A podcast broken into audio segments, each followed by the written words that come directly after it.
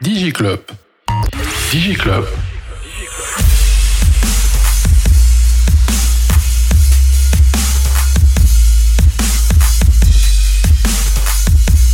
DigiClub Podcast. DigiClub Podcast. برعاية Huawei, au service de la Tunisie depuis 1999. توب نت المزود الأول للفيبر اوبتيك في تونس قوي في الكونيكسيون وتعدل التري او ديبي وكان الزون متاعك كوفيرت بالفيبر اوبتيك نجم تعمل سمارت فيبر وتولي عندك أقوى كونيكسيون في تونس توب نت أقوى كونيكسيون للفيري فايبر بيبل Pristini, School of AI. Total Energy, sponsor de la Total Energy CAF Coupe d'Afrique des Nations Côte d'Ivoire 2023. DigiClub. L'intelligence artificielle, certainement سمعتوا بها. Cette technologie اللي هي على باز قديمة شوية كثر عليها الحديث dernièrement de par l'impact نتاعها على beaucoup de secteurs d'activité. فما ناس خايفة منها خاطر برشا يقولوا اللي هي باش تخلي آه، beaucoup de métiers y disparaissent complètement. D'autres قاعدين يشجعوا فيها خاطر يقولوا اللي هي باش تعاون certains métiers.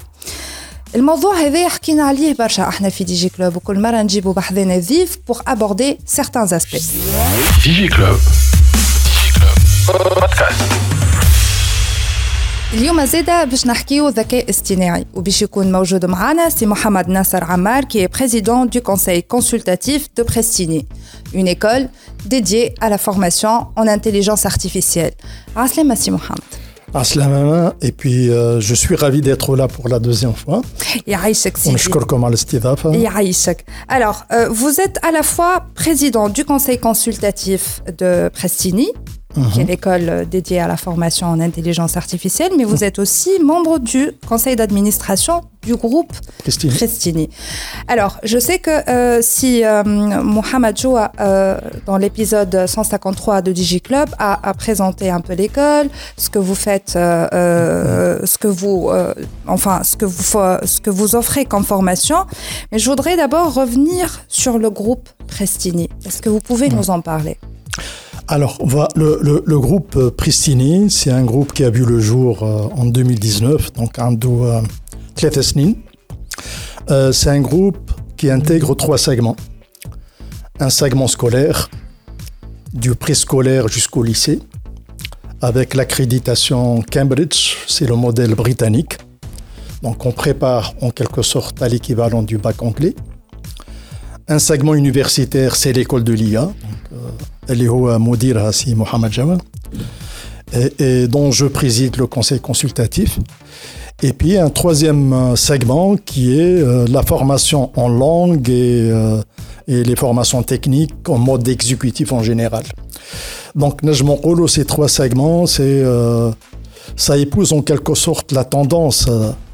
le groupe il a investi dans ces trois segments à la fois ou Qu'est-ce qu'il y a de commun entre ces trois segments hein Euh, Pourquoi les trois segments à la fois? On est persuadé que dans la vie, les jeunes générations, on a la génération Z ou Alpha qui ont 15 ans, ou les générations euh, futures, Oui. vont apprendre tout au long de la vie. Euh, pour ne pas paraphraser Sardou qui chantait La maladie d'amour de 7 à 77 ans, la formation pour les jeunes, ça va se dérouler de 4 à 99 ans avec le rallongement de l'espérance de vie. Tout à fait. Et euh, donc, nous avons conçu ce groupe pour euh, donner l'image d'une formation tout au long de la vie qui démarre à 4 ans, le préscolaire, qui peut aller jusqu'à l'université, mais qui offre également donc un centre pour accompagner la formation exécutive tout au long de la vie. Très bien. Donc c'est complémentaire. Maintenant, quels sont les, les liens, l'ADN commun entre les trois segments? L'ADN commun, d'abord, c'est le choix de la langue anglaise comme langue d'enseignement partout.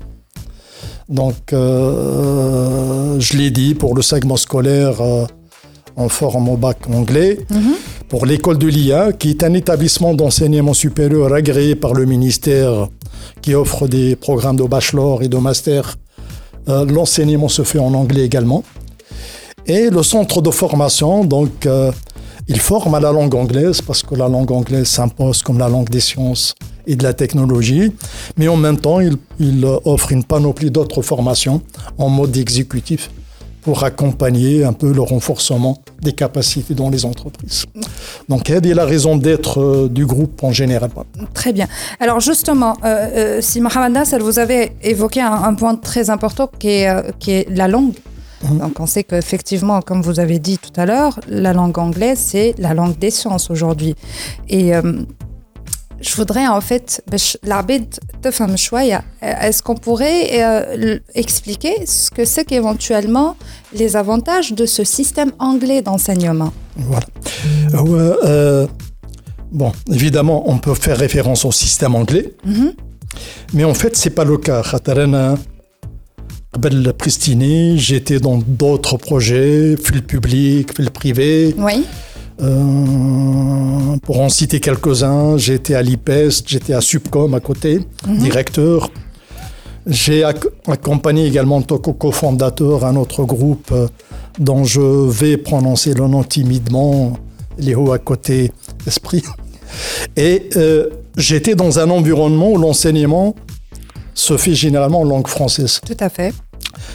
Ceci étant, même quand j'étais directeur de Subcom, euh, un, un ingénieur, euh, d'ailleurs j'étais les, parmi les, les premiers dans les années 90, a obligé les étudiants à avoir une certification en langue anglaise pour obtenir leur diplôme. Euh, Sachant que dans le monde, un ingénieur ne peut pas exercer sans la maîtrise de la langue anglaise. Donc l'anglais était devenu une deuxième langue en quelque sorte obligatoire avec un certain niveau. Sauf que le constat lié à mener le projet Pristini, c'est que quand on aborde la langue anglaise comme deuxième langue, je m'en ai- ça se traduit concrètement par quoi Qui m'a fait le lycée d'ailleurs Ça se traduit avec des heures pour l'emploi du temps dédiées à la langue anglaise. Oui. خلينا ناخذ ليكزومبل باش نبسطوا لا- الموضوع في الليسي آه، تلقى لي جون يقراو عندهم ساعتين اونجلي في الليسي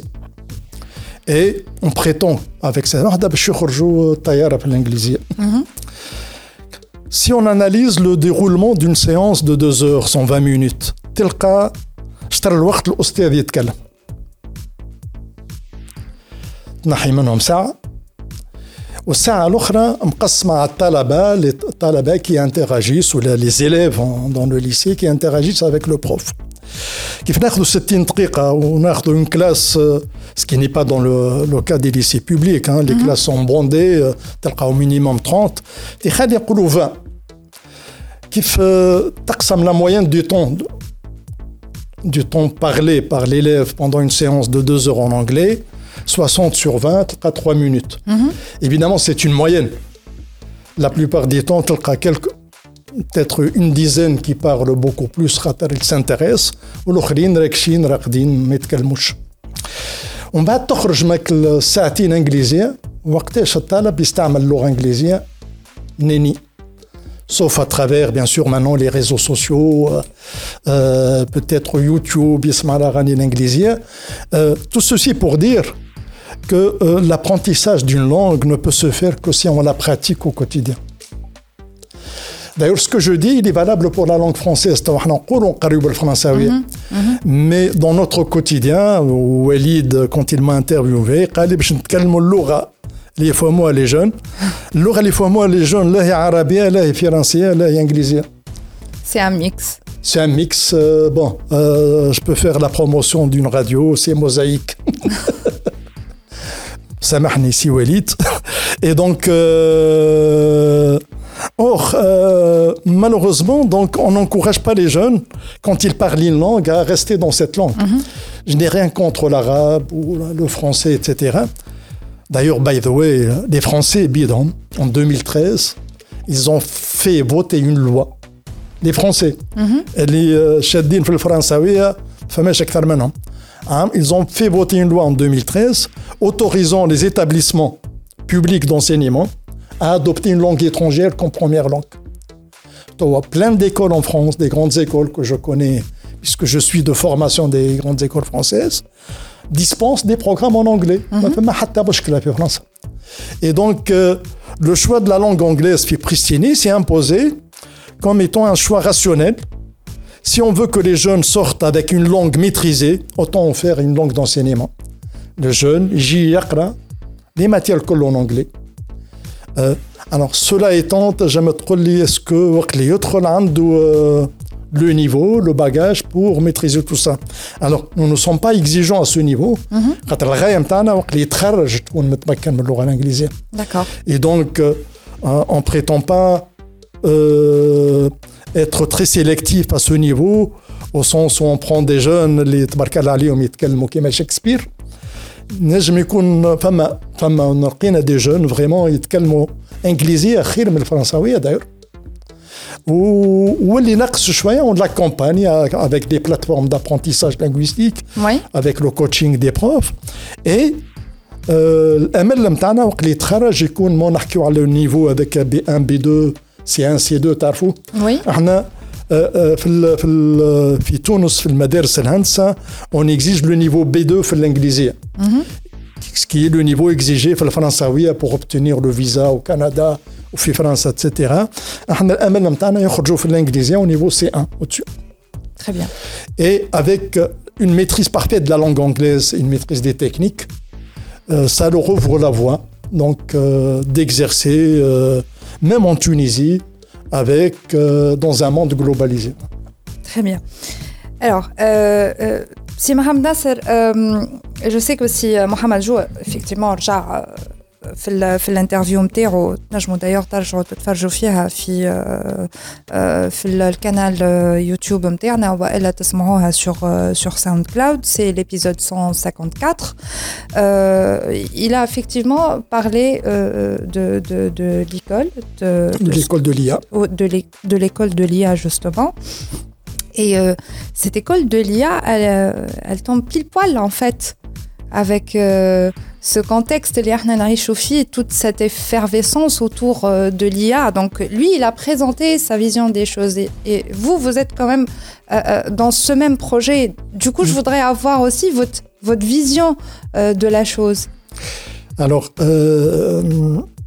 ma vision des choses. Pourquoi l'école, on l'a baptisée l'école de l'IA D'abord, précisons les choses. L'IA, c'est une technique, c'est un outil. Il y a beaucoup qui confondent. D'ailleurs, le mot euh, intelligence, il est trompeur. On a le Très bien. Euh, l'intelligence artificielle, c'est un nom historique d'ailleurs qui date euh, du milieu du siècle dernier. ça sous-entend qu'on prête à la machine une intelligence comparable à l'intelligence humaine. Mhm. On a jamais la comparaison, on a bien l'intelligence humaine ou l'intelligence des machines. On peut faire une comparaison dans ce sens. Donc c'est avant tout une technique qui mène Internet à la fin du siècle dernier. Euh, d'ailleurs, je peux vous raconter une anecdote. J'étais nommé directeur de Subcom en 1997. C'était le boom des télécoms à l'époque et le début de la construction du pôle technologique hein, qui a été inauguré en 1999. Mhm. Et c'était également le début de l'Internet. Fitons le début de l'Internet. Et je me rappelle, il y avait une effervescence autour de l'Internet. Il y avait des conférences qui se faisaient avec des experts de la Banque mondiale pour parler de l'Internet, de l'intérêt de l'Internet et de l'impact de l'Internet sur les économies, sur les métiers, etc. Alors, je, peux, sans citer de nom, à l'époque, il y avait de la résistance, y compris parmi les décideurs de télécom sur, la, sur Internet et enfin, certains qui défendaient l'option Minitel contre l'Internet. si vous avez connu le Minitel, en tout cas, moi, je l'avais connu en France. Oui. C'est un réseau. On bat qui jette Internet, on était pratiquement dans le même débat. Internet ou Minitel, ou est-ce que ce qu'on raconte autour d'Internet comme révolution sur l'impact sur le métier, etc. Et je me rappelle qu'à l'époque, à Subcom, euh, الوزير نتاع المواصلات سما وزاره المواصلات à l'époque c'est Ahmed Defrea à qui je vois une grande estime c'est c'est un homme qui a fait beaucoup pour le secteur et euh, il m'a dit il va falloir qu'on y aille il va falloir que Subcom mette en place des formations autour de l'internet pour vulgariser l'internet mm -hmm. et donc à Subcom, en 1997, on a concocté une formation d'une semaine pour les décideurs, pour les cadres, les directeurs, etc. Est-ce que c'est l'Internet Ce que sont les services euh, SMTP, un mailing, ce que c'est que le web, etc. Et donc, انترنت توا شكون باش جامي يعمل فورماسيون كيما هذا توا وليت عندها سمارت فون ولا ما غير ما تعرف عن انترنت لي شوز سو سون فولغاريزي il y a une démocratisation de l'usage d'Internet. Tout un chacun, un gamin de 4 ans et jamais smartphone Internet sans s'en rendre compte, etc. Et on n'a pas besoin de, revenir sur ce que c'est qu'Internet. Internet est, ou elle est un outil. Qu'on utilise sans savoir ce que c'est maintenant. Et on, en sent le bénéfice à l'usage. À travers un peu, maintenant c'est amplifié par les réseaux sociaux. Nous croyons qu'avec la révolution actuelle, impulsée entre autres par l'intelligence artificielle, qu'on peut au niveau industriel appeler industrie 4.0 la 5.0 parce qu'elle a un impact sur l'industrie également. On est au démarrage d'une nouvelle ère où l'IA va devenir une technique. Et nous pensons, comme d'autres ne sont pas les seuls, hein, que cette technique en 2050 sera comme l'Internet aujourd'hui, au niveau des usages. Mm-hmm. Et donc, euh, nous avons baptisé l'école du lien dans le sens pour dire que l'IA, bon, il ne s'agit pas de, il s'agit pas d'un choix, euh, d'une option. Je veux dire, euh, on, on, y va, on n'y va pas. C'est quelque chose qui va s'imposer dans, dans, différents domaines d'activité de l'humain, de l'économie sociale, etc. Et que les jeunes qu'on doit former au métier du futur il est primordial qu'ils abordent l'IA en tant qu'outil qui va augmenter leur métier. Pour ne pas dire les remplacer euh, sans revenir sur ce que j'ai raconté, sur des métiers qui disparaissent, d'autres qui vont être créés. Ça, c'était l'épisode 148. Euh, euh, ce qui est clair, c'est que. Bon, donc c'est une école de l'IA. Alors, nous prétendons pas former des experts de l'IA qui restent dans l'IA, et encore, il peut y en avoir. Mais à minima, notre ambition, c'est de former des jeunes dans des secteurs métiers, qui met l'industrie, qui met l'administration des entreprises, qui met la santé, et plus tard peut-être d'autres secteurs qui met la finance. Comment aborder, qui le management, comment aborder ces secteurs métiers en y intégrant l'intelligence artificielle Parce que l'intelligence artificielle va, être, va s'imposer comme outil euh, qui va induire beaucoup d'effets positifs dans des prises de décision et pour résoudre des problèmes de plus en plus complexes qui ne sont pas abordables à l'échelle humaine pour ces problèmes précis. Très bien. Alors, si Nasser, on pause صغيرة من بعد ترجع تفسر avec un, un peu plus de détails mm. ce que euh, vous, vous dispensez effectivement comme formation et تزيد تفسر لنا أكثر effectivement علاش vous pensez aujourd'hui que l'IA effectivement va s'imposer et que euh, elle va euh, euh, transformer plusieurs choses في في العالم نتاعنا que ce soit dans le monde du travail ou de la formation aussi. DigiClub. Huawei au service de la Tunisie depuis 1999. Topnet, à quoi connexion les Very Fiber People. Pristini, School of AI. Total Energy, sponsor de la Total Energy CAF Coupe d'Afrique des Nations Côte d'Ivoire 2023. DigiClub.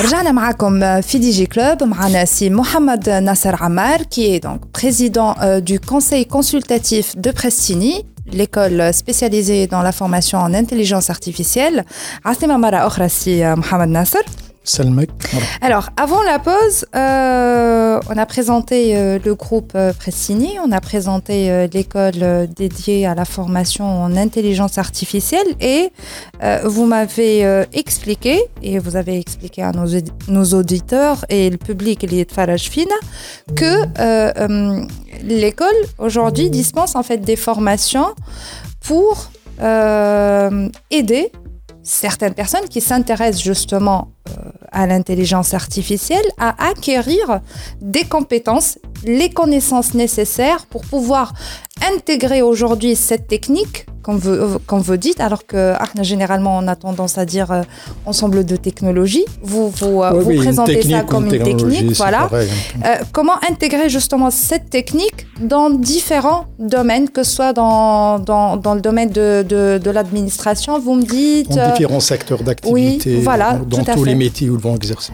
Très bien. Alors, justement, est-ce que vous pouvez nous expliquer davantage euh, ce que vous dispensez comme formation aujourd'hui, euh, FI Prestini Alors, euh, les formations, nous les déclinons euh, euh, en des programmes bachelor et master. Bachelor, c'est la licence. Mhm. C'est une formation de trois années, bac plus trois. Donc, euh, et puis, nous avons des masters euh, en deux ans. Euh, alors, étant donné que les bachelors, c'est la première formation de base pour les bacheliers, c'est des, programmes qui donnent un peu, qui plantent le décor, qui donnent un peu les fondamentaux de l'informatique, des mathématiques et, et de ces nouvelles techniques de l'IA. Oui. Alors nous avons deux parcours, un parcours pour les bacheliers scientifiques et techniques, euh, Applied Machine Learning, donc, euh, où ils font donc euh, ces fondamentaux en poussant un peu euh, vers les techniques de, de l'apprentissage machine. Oui. Et puis un autre euh, parcours bachelor baptisé BI, Business Intelligence, qui pourrait euh, admettre des bacheliers euh, éco-gestion, par exemple. D'accord. Parce que là, donc, on insiste davantage sur l'usage que sur la maîtrise, la technicité. Bah, au niveau master, c'est la couche au-dessus, c'est un peu l'hybridation des techniques avec les métiers. Mhm. Et euh, nous, en, nous offrons actuellement trois masters. Un master qui hybride l'IA avec l'industrie, donc c'est l'industrie 4.0, 5.0.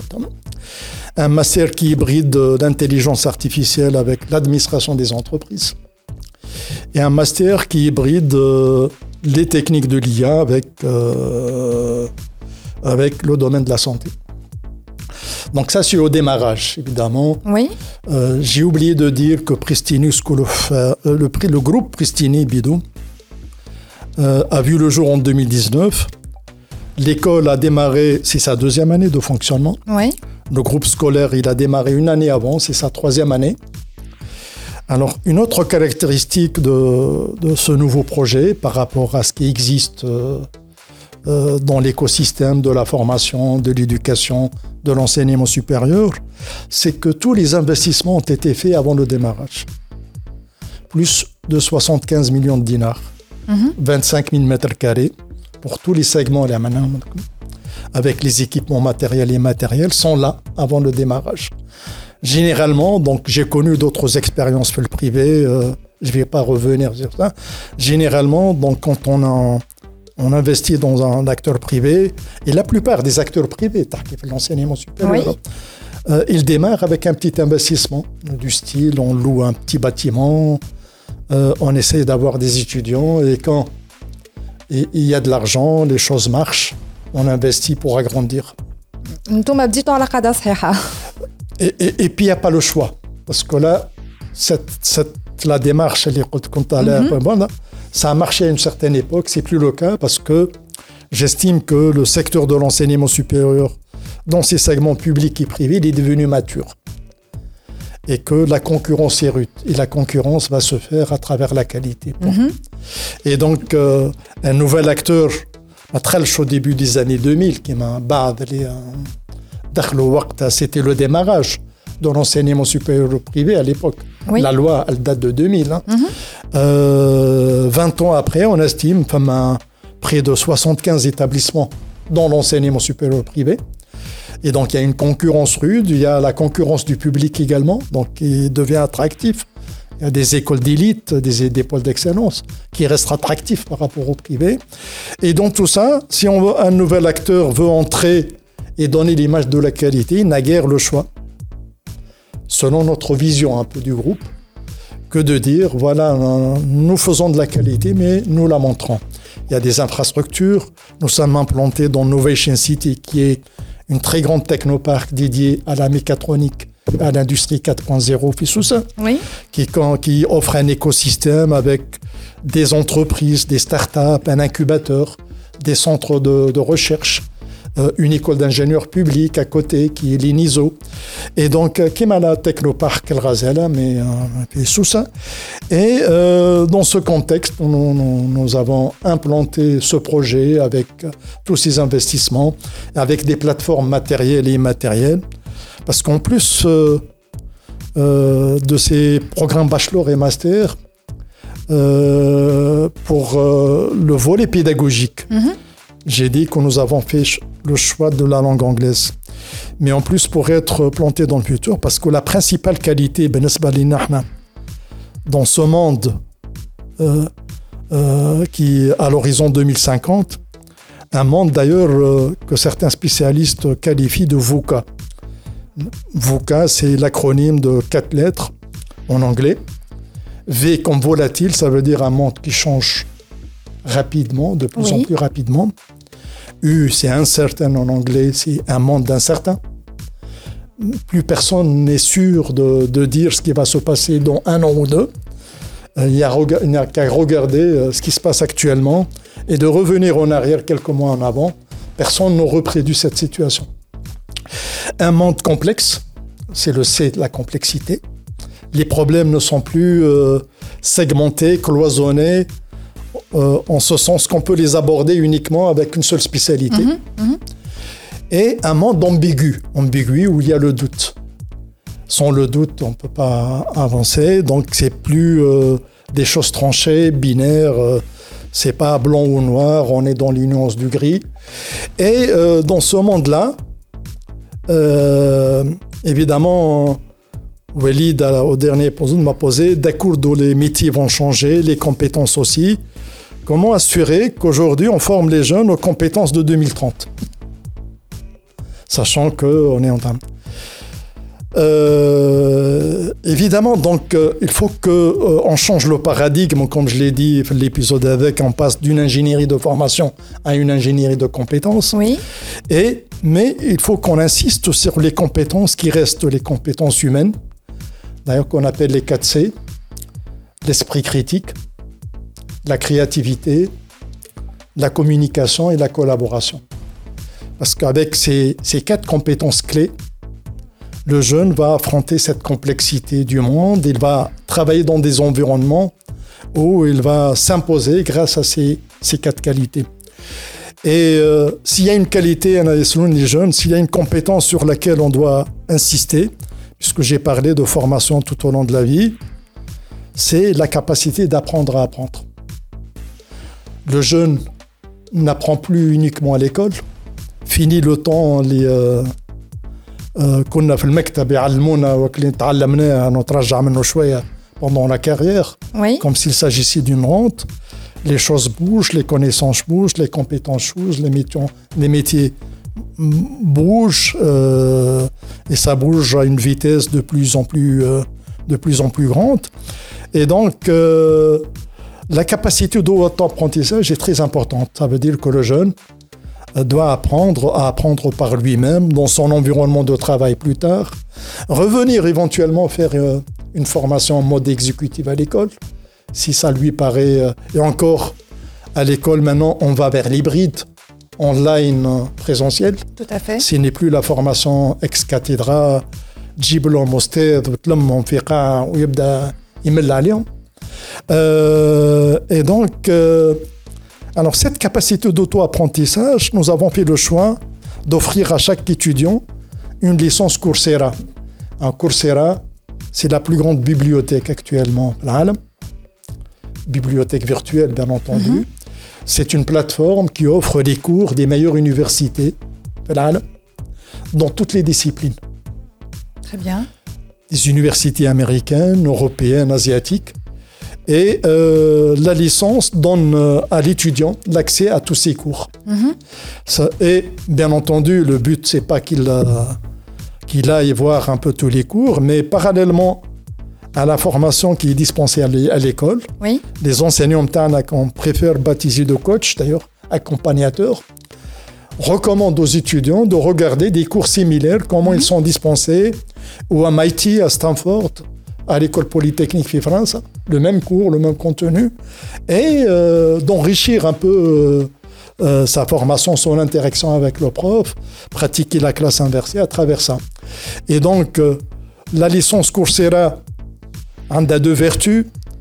Donc, on n'est plus dans le, dans, dans, dans, à l'ère où le prof est propriétaire de son cours. On est dans l'ère du partage. La science est diffusée.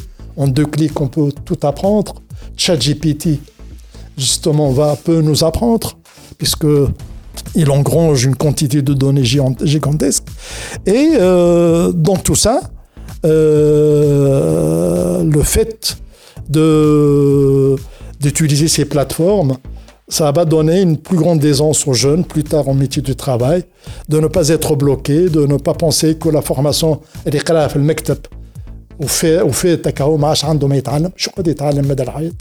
Très bien. Alors justement, euh, Mohamed vous me dites que vous êtes implanté quand même dans un, au sein d'un pôle euh, technologique, donc vous êtes entouré d'entreprises mhm. euh, de, qui, sont, qui sont dans, la, dans les métiers de la technologie, dans l'innovation, et vous êtes en train de former les gens au métier du, du futur. Donc je suppose que quelque part, vous êtes en train euh, de, de, former une pépinière pour ces entreprises-là, pour qu'elles puissent peut-être avoir euh, les compétences qu'elles cherchent. Est-ce que euh, vous avez éventuellement pensé ou est-ce que vous avez fait tisser des partenariats éventuellement avec ces entreprises pour peut-être placer euh, les gens que vous êtes en train de former au sein de ces entreprises, que ce soit pour des stages ou peut-être pour un début de carrière bah, une, je, je, vous remercie pour cette question parce que c'est une question pertinente.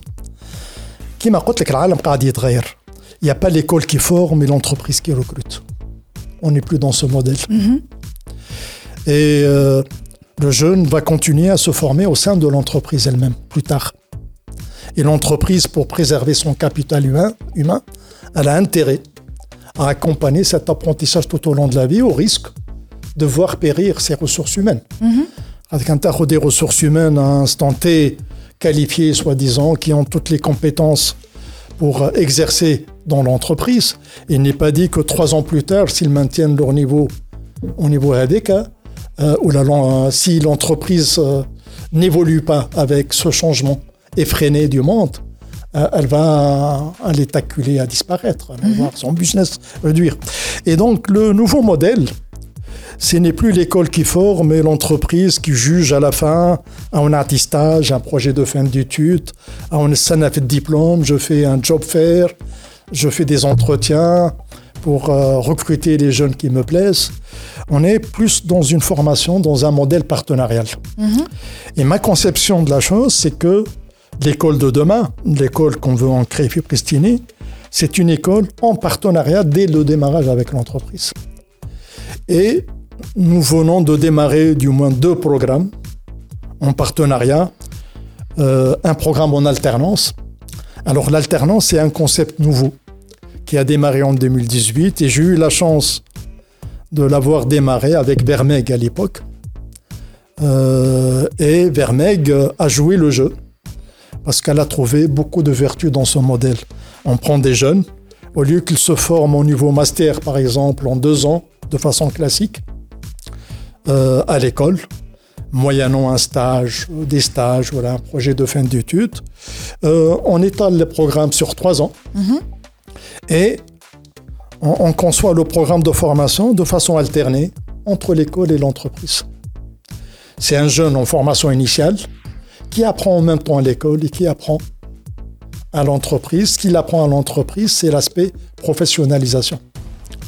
Alors ce schéma a une vertu en termes pédagogiques parce que ça met en œuvre ce qu'on appelle une pédagogie inductive, à opposer à une pédagogie déductive qu'on a en formation classique. Quand vous êtes en formation classique, via master ou la haja, vous avez un cours, whatever, maths, économie ou la haja. Il se veut, vous avez en face euh, un prof sachant, expert dans sa matière, et euh, vous ne faites pas le lien entre ce qu'il raconte ou les objectifs du cours avec la vie professionnelle. Alors souvent, les étudiants se bloquent, ils posent la question, ça va me servir à quoi? Je prends, eh, donc ça me sert à quoi dans la vie professionnelle, ça? Surtout pour des cours de maths. Tout à fait. Alors, le mathématicien, il, n'a pas de réponse à ça, puisque son travail, c'est les maths. Point. C'est l'abstraction. Et, et sur l'eau, évidemment, pour euh, notre lot, vous verrez plus tard, vous allez rencontrer des problèmes. Euh, non. Ça, c'est ce qu'on appelle la pédagogie déductive. Et peut-être dans la vie, vous allez déduire par vous-même que ces choses peuvent être utiles dans certains problèmes plus tard. La pédagogie inductive, à l'inverse, c'est que le mode d'alternance, le jeune, euh, l'entreprise, on va le confronter à une équipe, à des projets, et il va aborder des problématiques de l'entreprise, sans avoir les concepts, sans avoir vu auparavant les concepts à l'école. On n'est pas en, mode synchrone. Euh, et donc, il va aborder des problématiques avec un senior qui l'encadre. Euh, ben, sur le tas en douan. Quand il revient à l'école et qu'il a un cours en, relation avec le projet qu'il emmène, c'est là qu'il va faire le lien automatiquement. Il va se dire, tiens, donc j'ai rencontré cette situation professionnelle dans le cadre de ce projet. Et là, je fais très vite le lien avec l'aspect conceptuel que le prof est en train, que le cours est en train de me prodiguer. Et il va être encore plus intéressé par, pour, euh, il ne va, pas, être dans la posture qui m'a m'appelle de se poser la question, ça sert à quoi? En fait, ça a servi avant d'aborder le cours. Et euh, cette alternance a d'autres vertus. Le jeune, le diplôme de master, il va rajouter une ligne au nord dans son CV. Il a trois ans d'expérience, en plus du diplôme. C'est plus important que le stage de six mois. Absolument, oui. Et puis l'entreprise, elle, en tire un bénéfice parce qu'elle a formé un jeune euh, moulé en fonction de ses besoins. On sort de la problématique, euh, le siècle dernier, adéquation, formation, emploi. On n'est plus dans ça. Le jeune, euh, il est adapté, il est opérationnel. L'école l'a formé, mais également l'entreprise a contribué à sa formation. وكيف ياخذ diplôme, تعرفوا شنو شنو هما les compétences نتاعو. Ouais, et si elle s'intéresse à lui pour le recruter plus tard, évidemment, elle va en faire quelqu'un qui va évoluer, qui a de la perspective.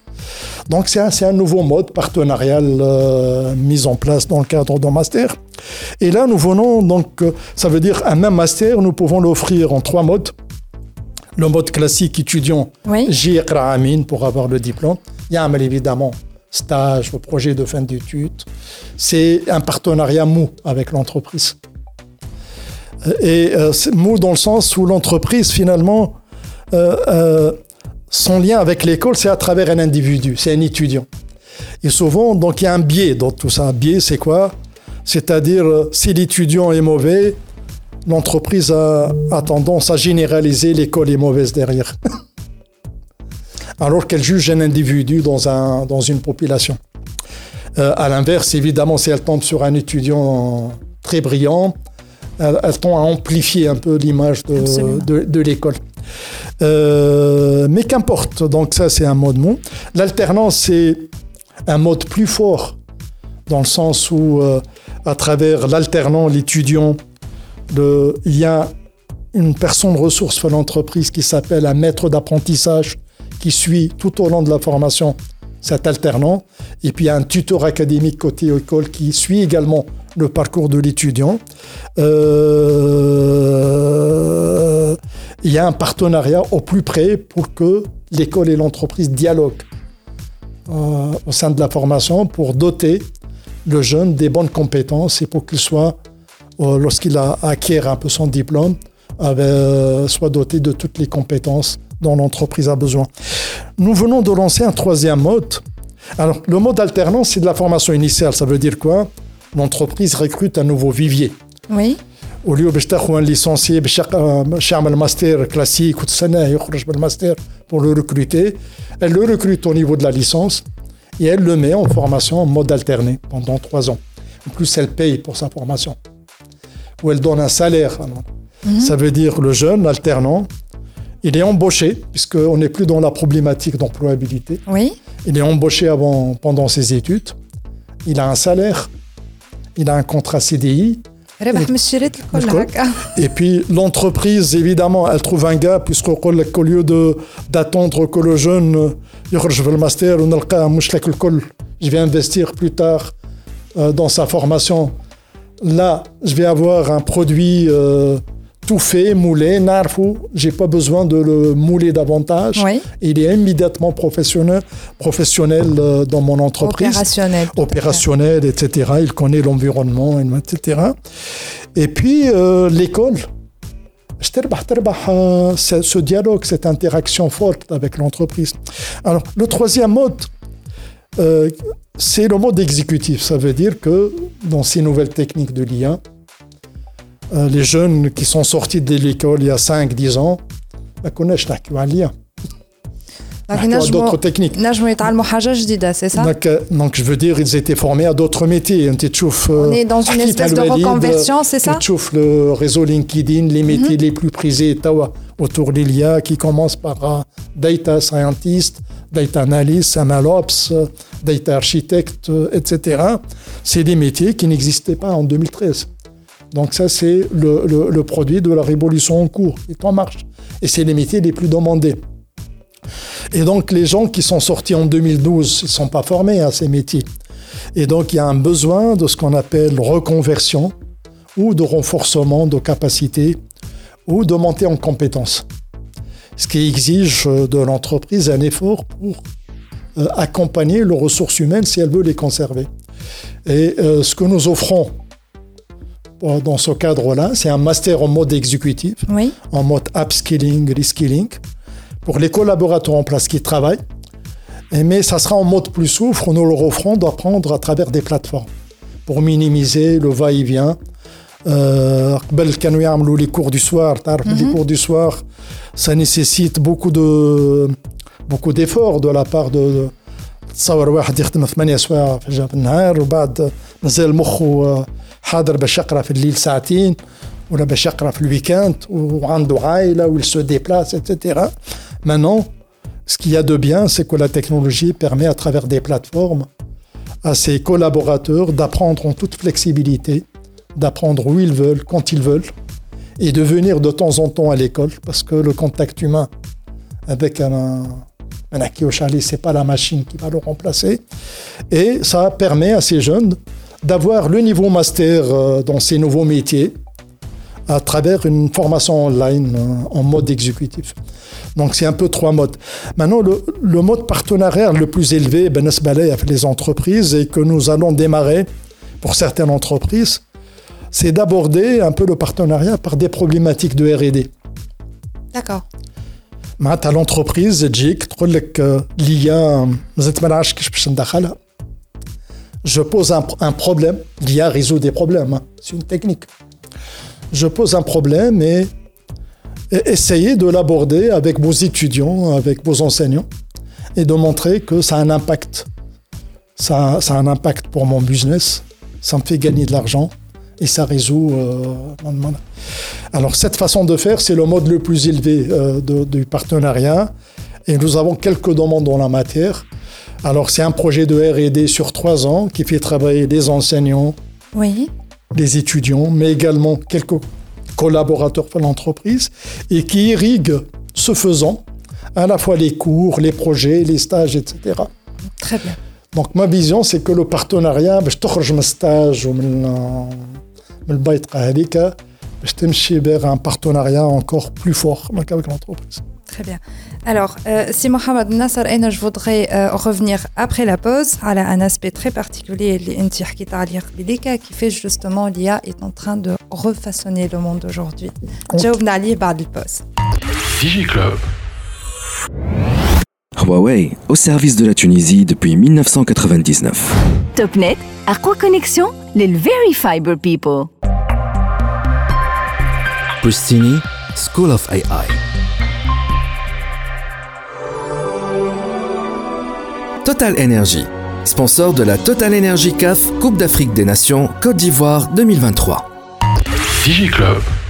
احنا رجعنا معاكم في دي جي كلوب دونك افون لا بوز on a parlé avec si euh, Mohamed Nasser euh, des formations que dispense aujourd'hui euh, Prestini l'école dédiée à la formation en intelligence artificielle donc euh, si Mohamed Nasser vous avez évoqué euh, les licences euh, les, euh, les programmes de master qui sont déclinés en trois formats donc un format euh, classique et euh, un, un format en, en alternance et un format exécutif pour les gens qui veulent éventuellement faire une espèce de reconversion professionnelle, n'est-ce pas? Absolument. Très bien. Alors, vous avez évoqué effectivement aussi euh, comment est-ce que l'IA est aujourd'hui en train de refaçonner le monde, de, de, de refaçonner euh, les métiers. euh, De, de, de façon générale, parce qu'on la voit, on la voit dans plusieurs secteurs d'activité. Et euh, il y a une question qui m'intrigue, parce que faut dire que moi personnellement, dans, dans DigiClub ou Hatafi THD, l'intelligence artificielle, on en a beaucoup parlé. Mais je ne comprends toujours pas euh, cette effervescence autour de cette euh, technique, comme vous dites, parce que c'est quand même euh, euh, quelque chose qui remonte aux années 50, il me semble. C'est euh, dans les années 50 euh, que Bdina Narki ou l'intelligence artificielle. Et je ne comprends toujours pas, est-ce que c'est dû au fait qu'aujourd'hui, il y a de grandes entreprises technologiques qui se sont emparées de, cette technique ou comment expliquez-vous cela, c'est Mohamed Ben, c'est une très bonne question. Donc, euh, l'IA, effectivement, donc, euh, euh, en tant qu'un concept, il a vu le jour juste après la Deuxième Guerre mondiale. Et le premier à avoir pensé ce concept, une machine dite intelligente, c'est Alain Turing, celui qui a cassé un peu le code d'Enigma, Deuxième Guerre. C'est un Britannique Oui, très intelligent. Et il y a un test qui porte son nom. En ce sens, est-ce qu'on peut concevoir une machine telle que l'interaction entre l'homme et la machine fait penser à l'homme que c'est un homme, c'est pas une machine qui interagit avec lui. Et ça, c'était le démarrage conceptuel de l'IA. vous voulez dire à la manière de ce qu'on voit aujourd'hui avec les chatbots? Euh, par exemple, ou, euh, Oui. etc. Donc, mais euh, on est euh, on est arrivé beaucoup plus plus loin. Et donc c'était euh, donc le, le- la genèse euh, de ce domaine de recherche a épousé l'évolution de l'informatique. Parce qu'au démarrage, c'était l'informatique point, donc euh, dans les années 50, avec les calculateurs, les ordinateurs, etc. Qu'est-ce qui s'est passé pour l'informatique si on regarde de près? Il y a une évolution donc euh, avec ce qu'on appelle la loi de Moore. La loi de Moore, elle dit que euh, tous les 18 mois, les calculateurs gagnent en vitesse, en puissance de calcul, et le prix est réduit de moitié. Je me rappelle euh, avoir acheté ma calculette. C'est une calculatrice, c'était pas un ordinateur. À l'époque, il n'y avait pas d'ordinateur personnel. Quand je faisais mes... J'étais jeune bachelier en France, il y avait les calculatrices programmables Oui, qu'on utilisait puisque je faisais des études scientifiques. Et le prix à l'époque d'une calculatrice programmable, celle qui est banalisée tawa, dans les lycées, c'est euh, à l'époque, ça équivaut au prix d'un PC. Alors que c'était une machine qui faisait à peine quelques pas de programmation, etc.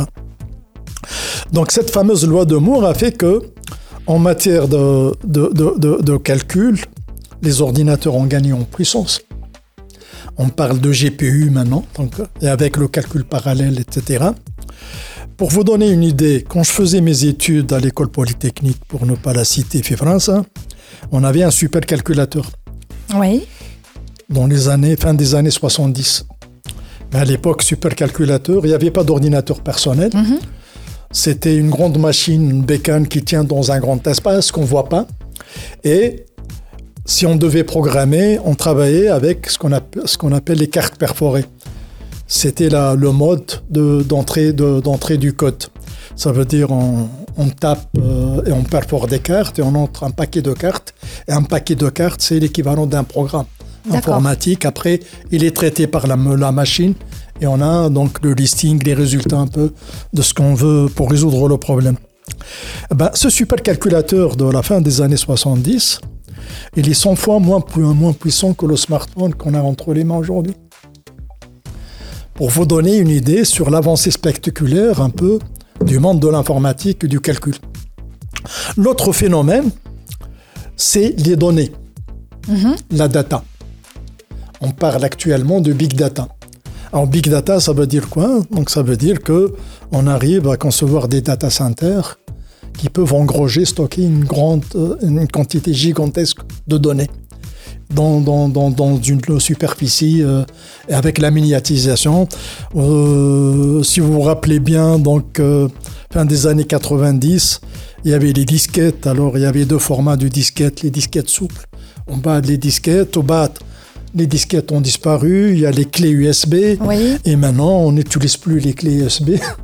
Et tout se fait à travers euh, les réseaux, dans le cloud, dans la machine, y a les plateformes. Et les machines, les ordi, euh, c'est en même temps un outil de calcul, c'est en même temps, il a un disque qui permet de stocker. Euh, il y a évidemment des disques qui permettent d'élargir la capacité. Donc, la capacité de stockage des données a permis de, de, de, de faire les, la jeunesse de ce qu'on appelle le big data. Mm-hmm. Et donc, euh, l'intelligence artificielle, quand elle, a, elle était dans les labos de recherche, elle souffrait de, du manque de puissance des calculs. Et de la disponibilité des data pour tester ces algorithmes. Donc, à l'aube du 21e siècle, avec l'émergence des big data, des supercalculateurs, les algorithmes qu'on a laissé tomber, faute d'ordinateurs puissants et faute de data, ont permis donc euh, cette euh, résurrection un peu de l'IA mm-hmm. et la démocratisation du lien à travers d'outils euh, accessibles à tout un chacun. ChatGPT, on l'a dans son smart, on peut le tester. Et donc les techniques de l'IA ont bénéficié de cette, euh, de cette numérisation effrénée, donc, euh, etc. C'est ça qui a été, évidemment, bien entendu, derrière, il y a eu euh, les géants de l'informatique qui se sont accaparés les techniques, qui ont conçu des data centers géants, qui ont profité de la main des data, du pseudo gratuit, parce que euh, en utilisant les réseaux sociaux, on a l'impression que c'est gratuit, que c'est facile. Alors on dit ma femme que le dicton, si vous utilisez quelque chose gratuitement, c'est que... Vous êtes le produit. Vous êtes le produit. voilà. Euh, et, euh, et tout ça fait que maintenant, on en parle parce que on en parle d'autant plus qu'à la, que les techniques dans les États ont montré, dans, sur certains cas, qui est ma DeepMind, euh, qui a battu euh, le champion d'AlphaGo. Oui, vous êtes euh, en train de Kasparov, du, qui a, battu, qui a été battu par, jeu oui. le jeu d'échecs. Et ça, c'est des illustrations, mais pas que. Donc, pour un exemple plus récent, la mise au point du vaccin anti-Covid, malgré un peu la controverse autour, un, un, vaccin, normalement, dans les années, le XXe siècle, pour être mis au point, il faut au bas mot 20 ans. Oui. Entre les premiers tests de laboratoire et la mise sur le marché pour euh, l'appliquer à l'humain. Donc là, on est passé de l'échelle de 20 ans à 2 ans. Après, on a fait des tests grandeur nature. non, mais ce qui a permis de raccourcir le temps, oui. c'est la data. D'accord. Ça veut dire on a raccourci l'échelle du temps, on a fait des tests en temps réel, il y a eu euh, des laboratoires de recherche, beaucoup de biologie moléculaire. Par exemple, euh, notre euh, licorne Instadip, mhm. qui, s'est fait racheter par BioNTech. BioNTech, c'est le labo allemand qui a mis au, point le, vaccin pour Pfizer. Et donc, donc il, utilise des techniques de lien qui permettent de gagner du temps à travers des outils de modélisation euh, de machine learning ou de deep learning euh, sur la biologie moléculaire. Et donc, euh, ces, réussites dans des domaines un peu pointus, donc on, en a parlé, ça c'est et on est là dans, depuis quelques années, de cinq ans, dans la phase où on parle de révolution dans le sens que ça va crescendo ces techniques qui mènent l'Internet mhm. à la fin du siècle dernier vont émerger tous les secteurs d'activité. Très bien. Alors justement, en, dépit de cette, enfin, dans, cette effervescence, c'est Mohamed Nasser, euh, il y a des gens qui m'a qui, qui prennent euh, et qui encouragent euh, l'utilisation de, ces techniques, de cet ensemble de technologies inhérentes à l'intelligence artificielle. Et il y a des gens qui restent quand même un peu réticents euh, évoquant plusieurs risques, euh, des craintes que cette intelligence artificielle peut-être puisse un jour euh, prendre le contrôle de l'humain. Quoique, bon, moi je reste convaincu que une intelligence artificielle restera toujours une intelligence artificielle, elle sera toujours contrôlée par une intelligence humaine.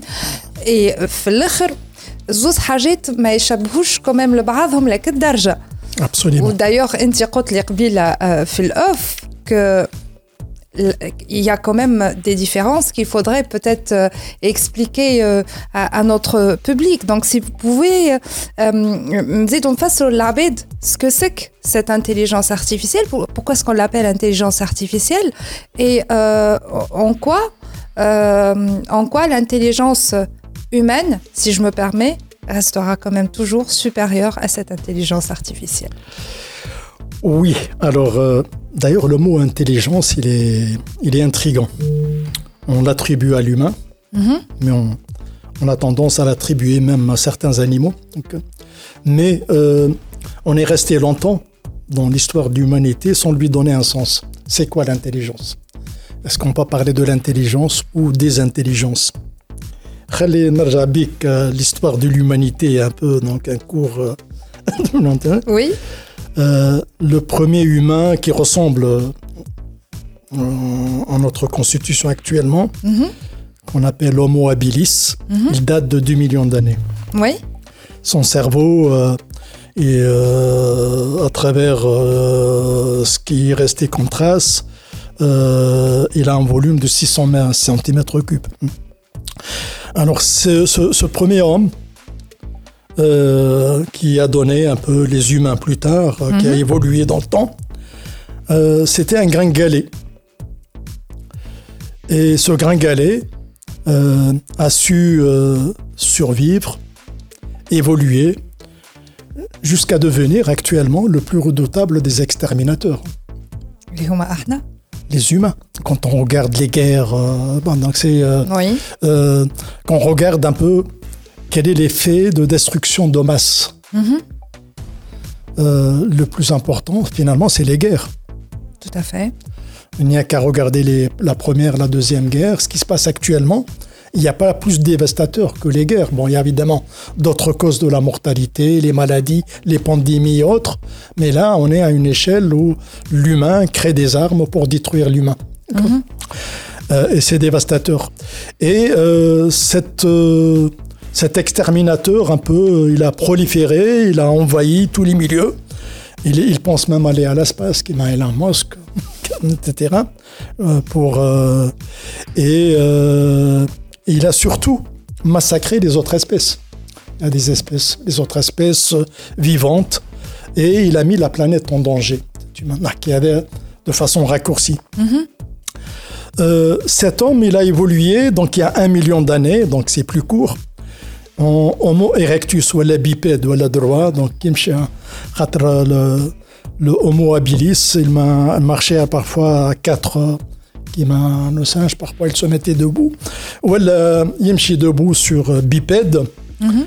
il y a un million d'années euh, et donc avec un cerveau à peine plus euh, plus volumineux 700 cm3 et euh, cet homme il a laissé des empreintes indiscutable d'une certaine intelligence, entre guillemets, mais qu'on n'arrive pas à définir.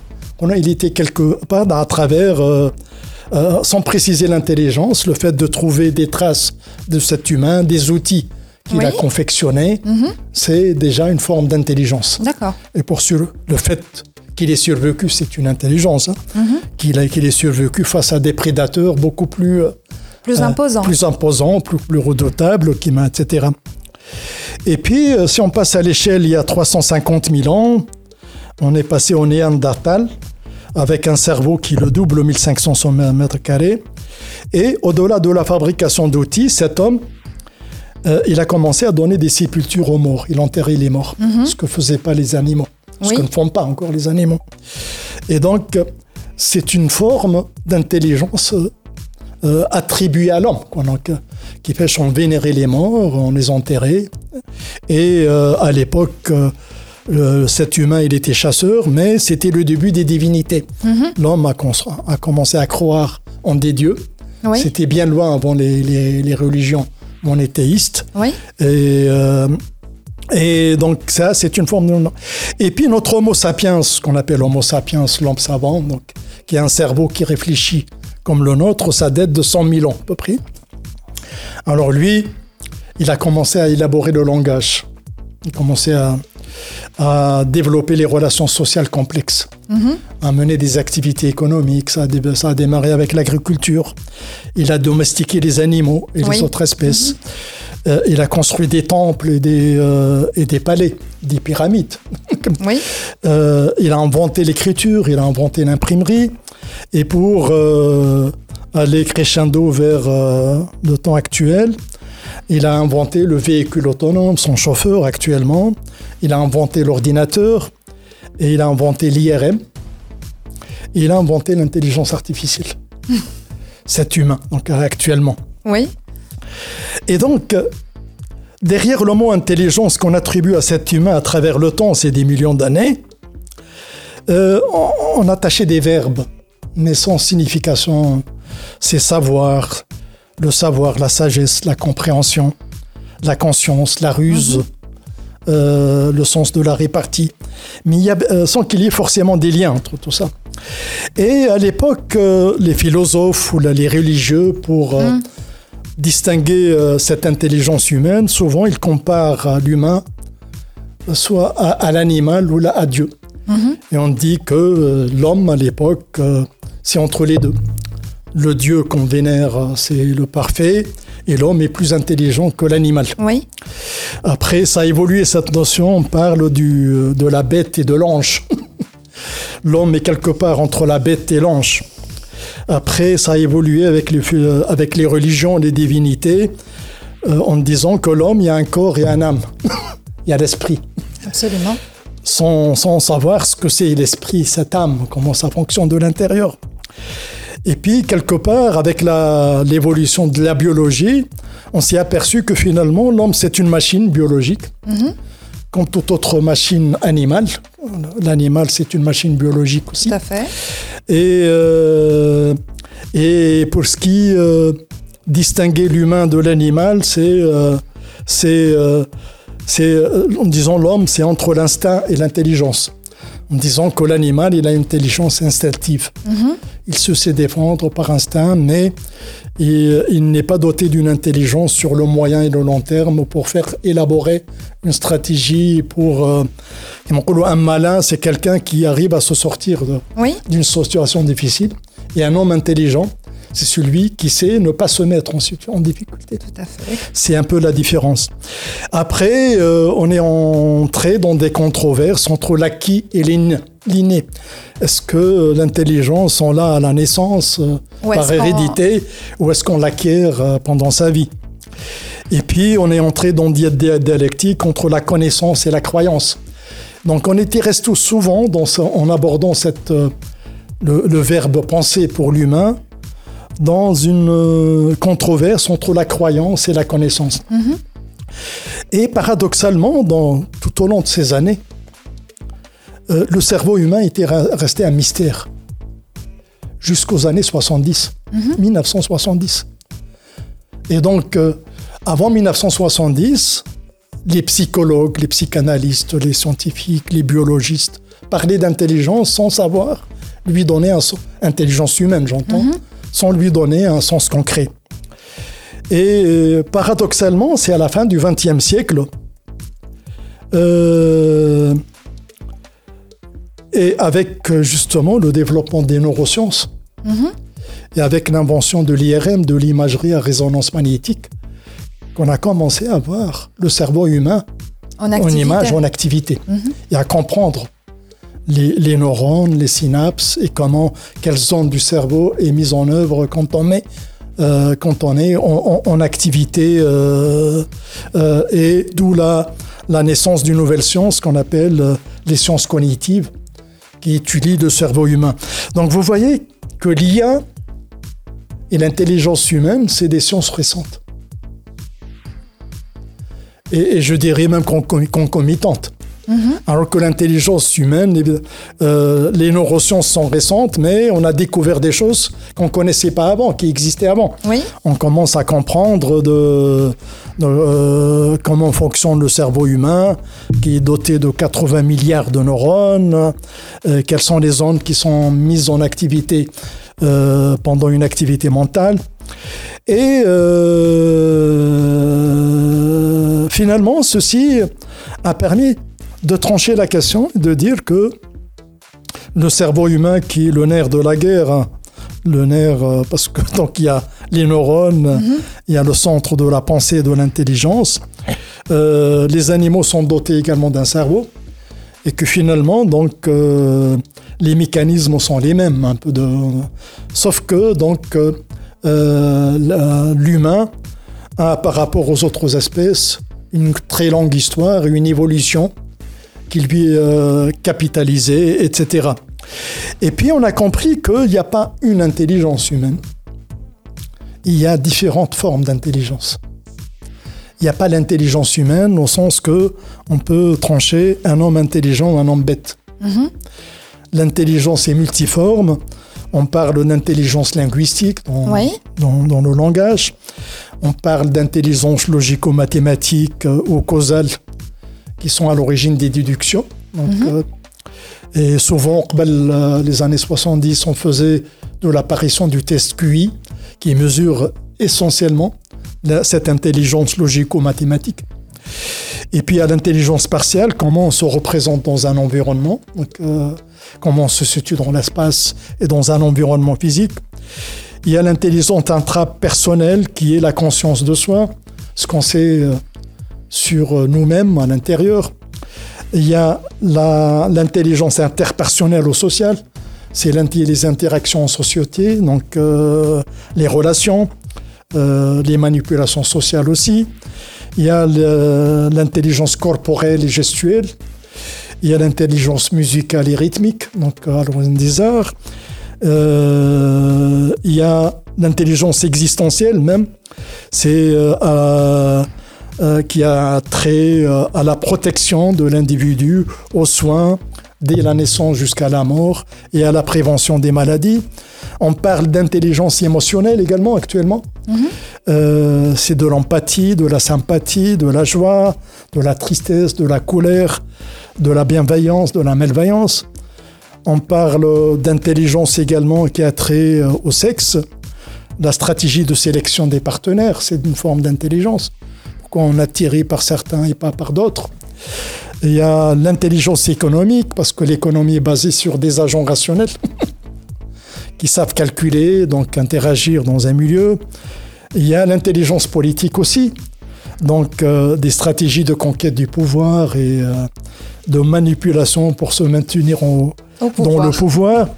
et puis il y a des intelligences éthiques, c'est qui a trait aux notions de bien et du mal. Donc l'humain est dans tout ça. Mhm. Or, quand on parle d'intelligence artificielle, on n'est pas dans tout ça. On est dans quoi alors? On est face à la résolution d'un problème, à une prise de décision. Est-ce que cela renvoie peut-être à euh, l'intelligence euh, mathématico-logique euh, que vous avez veut dire, donc, à, la base, l'intelligence artificielle, elle fait quoi? C'est des algorithmes oui.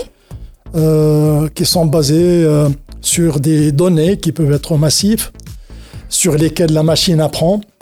Et en apprenant, la machine arrive à raisonner comme l'humain pour résoudre un problème donné. Mhm. Le point de départ, c'est un problème donné. Oui.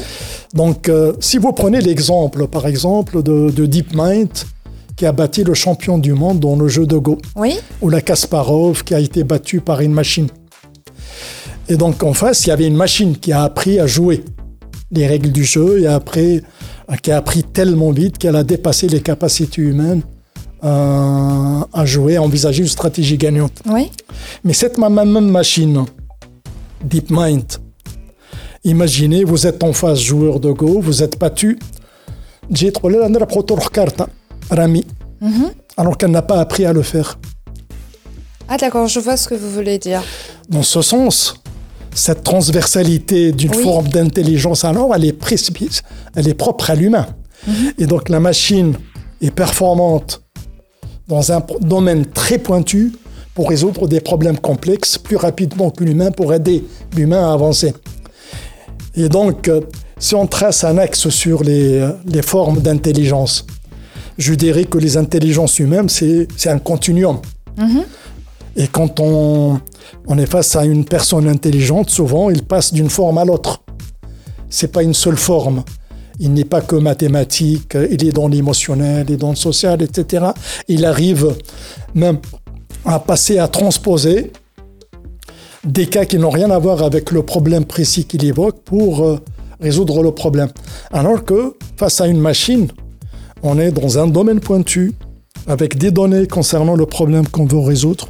La machine apprend sur des données et arrive à le résoudre de façon performante et efficiente pour qu'il y ait une prise de décision pour le bien de l'humanité, censé être le bien de l'humanité. Et donc, euh, si je transpose l'intelligence de la machine sur l'axe un peu de toutes les formes d'intelligence, c'est des pics éparpillés. Mais entre les pics, il y a des formes d'intelligence qui sont propres à l'humain que la machine ne peut pas aborder. Très bien. La créativité, le sens, etc. C'est ça qui fait dire que l'homme euh, donc, euh, il faut reconnaître à, la machine qu'elle peut être très performante pour résoudre des problèmes complexes que l'humain ne peut pas résoudre avec les outils classiques, mais euh, que les intelligences humaines euh, ne sont pas à la portée de la machine pour le moment. C'est Mohamed, ce que vous avez évoqué comme argument laisse entendre que, enfin, pour moi du moins, ça dissipe tout ce qu'on raconte autour des risques liés au développement de l'IA aujourd'hui. Sauf que je sais que euh, qu'avec ça, il y a des gens qui sont quand même dans le wait and, wait and see. Mais dans un monde qui bouge, avec des technologies qui évoluent à la vitesse de la lumière, est-ce qu'on peut courir le risque aujourd'hui de rester dans ce wait and see? Euh, évidemment non, la réponse euh, est évidente. Évidemment que non. Parce que d'aucuns pourraient dire, euh, bon, ça c'est une technologie qui a vu le jour dans le monde développé. Mhm. C'est des géants qui sont derrière, ça marche pour eux. Restons à l'abri, on n'est pas concernés. Et on peut attendre peut-être que cette technologie fasse ses preuves pour l'adopter. Sauf que, comme vous venez de le dire, le temps euh, maintenant, le temps, euh, c'est un facteur très important. Absolument. Les choses sont en train de s'accélérer. Mhm. Et donc, euh, ce que j'ai raconté autour de l'intelligence humaine de l'IA, c'est l'histoire de 50 années, sur 10 millions d'années de l'histoire de l'humanité. Donc, ça montre un phénomène d'accélération du temps. Et donc, quand on, est dans l'immobilisme, on bouge pas, on recule. Alors que les autres avancent à des pas géants. Et donc les mondes en développement, les pays en, voie de développement, comme le nôtre, n'ont guère le choix euh, que de que d'aller vers cette technologie. Et même, je dirais qu'au sommet de l'État, qu'il y ait une politique, comme l'ont fait certains pays développés, une politique pour penser ces nouvelles techniques comme un tout, avec tous ces impacts dans tous les secteurs d'activité l'éducation, la santé, euh, etc., l'industrie, etc., et de trouver des mécanismes pour qu'il y ait justement. Donc, euh, euh, et là, nous avons la chance parce que autant les technologies par le passé représentaient une barrière pour y accéder. Mm-hmm. Donc, l'avantage de l'Internet et de ces techniques de l'IA, c'est que c'est des techniques qui sont devenues accessibles et abordables. Et donc, il n'y a plus cette barrière euh, de, autour euh, à travers les réseaux. Et là, c'est une chance pour les pays en développement à saisir. Et je dirais même que les pays n'ont pas le choix. Donc, euh, ils doivent faire euh, des, des, des, des, choix publics, pour intégrer l'IA un peu euh, dans tous les secteurs d'activité.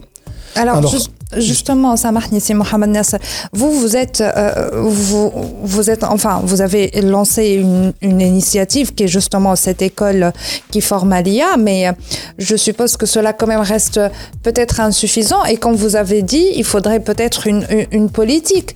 Qu'est-ce qu'on pourrait euh, faire exactement aujourd'hui? Est-ce qu'il faudrait penser peut-être à des partenariats entre des acteurs privés comme vous et le public, ou qu'est-ce qu'il faut faire au juste?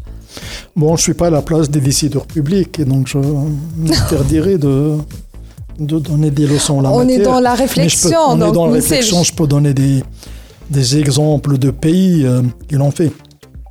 En souvent, hier, j'étais à une table ronde et on a tendance à, à, à, comparer notre pays avec des pays comme la Chine ou l'Inde. Mm-hmm. Bon, c'est une comparaison un peu disproportionnée, on n'est pas dans la même échelle. Quoi.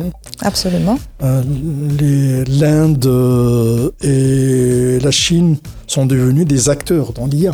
Euh, et pourquoi? Parce que c'est d'abord des, des, pays très peuplés, plus d'un milliard d'habitants, mais c'est des pays qui, ont, qui sont entrés dès, dès, dès le siècle dernier dans la phase de rattrapage industriel, en copiant mais ils ont dépassé la phase du copie pour euh, créer. Et se sont imposés comme des géants, des acteurs mondiaux dans l'intelligence artificielle. Évidemment, pour euh, un petit pays d'à peine 12 millions d'habitants, 0,5% de la population mondiale, on n'est même pas un marché, je dirais. Euh, donc d'ailleurs, la taille du pays fait que les investisseurs sont bloqués par la taille, mhm. alors qu'on parle d'un monde globalisé. Oui. Par contre, dans un monde globalité, là où il y a des opportunités, c'est que le marché, on peut penser à des marchés plus gros. L'Afrique du Nord, l'Afrique, l'Europe, la, Méditerranée. Et pourquoi? Parce que euh, la conséquence de la pandémie Covid-19 euh, a fait comprendre à certains pays que la sous-traitance euh, low cost n'a plus lieu d'être et que les chaînes de d'approvisionnement très lents, donc euh, peuvent euh, connaître des problèmes, donc, euh, arrêter. Et donc, on parle de réindustrialisation dans les pays du Nord, en Europe, de politique de redéploiement industriel, en ce sens que les usines qui avaient délocalisé en Chine, en Inde, on les localise, etc. On les localise en Europe, mais en même temps, on pense à des, dans la proximité à des pays, euh, à des pays euh, pas très loin. Mhm.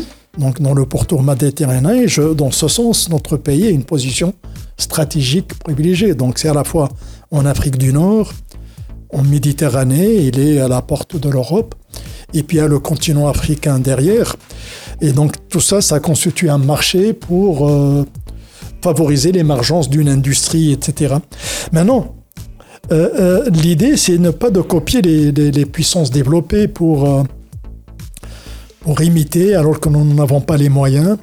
Mais s'il y a des pays à prendre comme exemple, comme le nôtre, c'est des pays nordiques comme la Finlande, comme la Suède le Danemark, qui ont la même taille, ou bien des pays comme Singapour, un petit pays, etc., qui arrivent à identifier une niche à défaut de tout embrasser euh, et de ne rien faire, puisqu'on n'avons pas les moyens, de dire finalement, la Tunisie, on peut percer dans cette niche. Et s'il y a une niche, je dirais un peu percutante en Tunisie, c'est l'intelligence de sa jeunesse. Ah, je reviens sur l'intelligence. L'intelligence mesurée à l'aune de, de la dynamique de l'écosystème entrepreneurial, des startups, tout ça malgré la conjoncture difficile du pays, euh, conjoncture sociale, politique, économique et autres. Euh, c'est un pays qui, a de la résilience. Il y a une jeunesse qui arrive à percer malgré toutes les difficultés et aller même euh, concurrencer les, champions mondiaux. Donc, j'ai parlé de la licorne Instadip, donc qui eut pensé Instadip, j'ai j'ai eu la chance en fait euh, en 2014 euh, de rencontrer ses fondateurs. À l'époque, ils venaient de démarrer avec deux laptops, Karim Bgir et, ça, euh, et son associé, Zohra Slim. Et à l'époque, il m'a fait rêver. C'est un jeune qui est mordu par l'IA en 2014 déjà, on n'est pas maintenant. Et il a pensé à créer une start-up à Tunis au démarrage. Après, il a pensé pour l'internationalisation, créer une antenne à Londres. C'est intelligent. Et euh, quand on voit le parcours de cette startup en l'espace de 8 ans uniquement, pour devenir une, licorne qui s'est vendue à, des centaines de, millions d'euros, euh, on mesure un peu l'intelligence tunisienne, un peu derrière. Euh, évidemment, je c'est pas en citant un Stadip, on peut citer tant d'autres exemples. Par contre, tout ceci s'est fait sans qu'il y ait... Euh, parce que souvent, quand on met en avant les difficultés euh, du pays, les incitations, les encouragements, euh, on n'en parle plus. Et malgré tout ça, malgré toutes ces difficultés, il y a des jeunes qui percent. que, cela deviendrait-il quand, l'État prend un, bras le corps un peu pour en faire une politique publique, pour inciter euh, les jeunes, à l'instar de ces exemples de réussite, et de percer dans une niche. Et une niche, par exemple, parce que pour l'IA, finalement, qu'est-ce que ça demande comme intelligence, comme prérequis? Ça demande des gens bien formés en maths. La Tunisie est connue pour avoir eu une très bonne école mathématique. Hein. Mhm. Euh, des gens qui sont bien formés au codage et à l'informatique et à l'algorithmique et des gens qui, euh, à qui on inculque un peu les compétences euh, purement humaines, empathiques, créativité, euh, esprit critique, collaboration, coworking. Finalement, ça tient à très peu de choses et si on peut, si on dit par exemple que la Tunisie sera le vivier, la destination prisée pour trouver un vivier percutant dans l'intelligence artificielle, c'est faisable. Mais c'est faisable euh, moyennant une politique éducative qui doit changer, qui doit changer dès l'école de base, dès le préscolaire. On n'apprend pas aux, jeunes à coder quand il est au bac. Euh, à of on a fait venir une prof de, l'université euh, de Columbia à New York, qui a mis au point un outil pour euh, former les, les gamins à lire. Donc cette technique va descendre un peu plus bas, comme calculer. Les gamins utilisent bien les smartphones, ça, savent coder.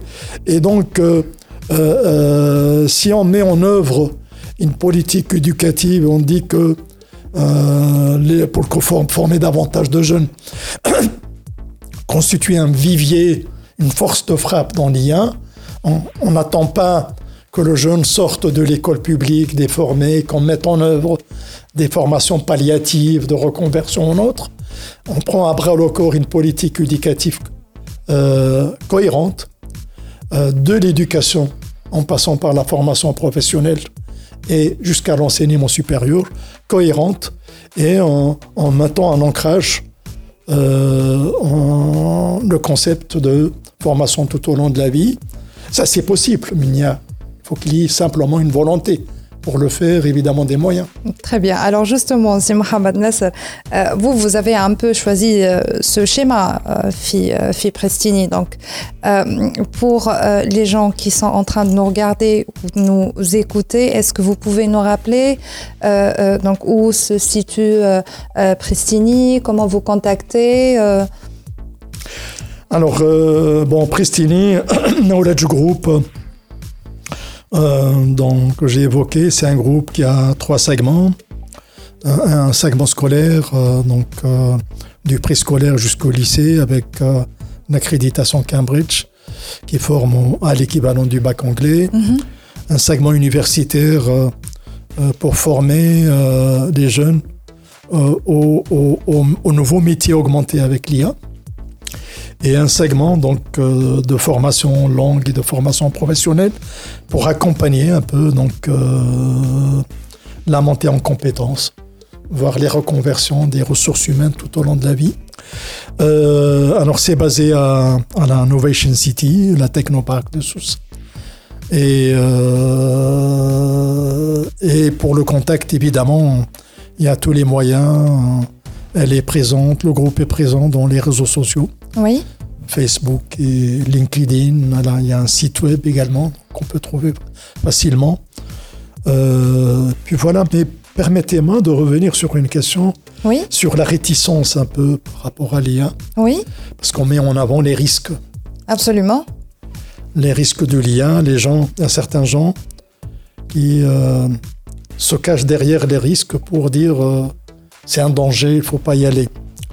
Hein, pas uniquement chez nous, hein, y compris des sommités. Donc, euh, je me rappelle en 2016, il y a eu euh, le prix Nobel de physique euh, qui a signé, y compris avec euh, le gars. Non, Vous parlez de la lettre euh, qui a été signée par a plusieurs, par plusieurs universitaires. Oui. pour oui, mettre oui. en danger de la machine. Ça, c'était il y a quelques mois, effectivement. il Non, non, non ça, ça remonte à quelques années. Il est D'accord, décédé. mais euh, il y, a- y a une a une initiative nouvelle- bon, qui dit l'initiative de la régulation, c'est bien. Oui, Mais la première lettre qui parlait de la machine qui va détruire l'humanité, poussée à l'extrême.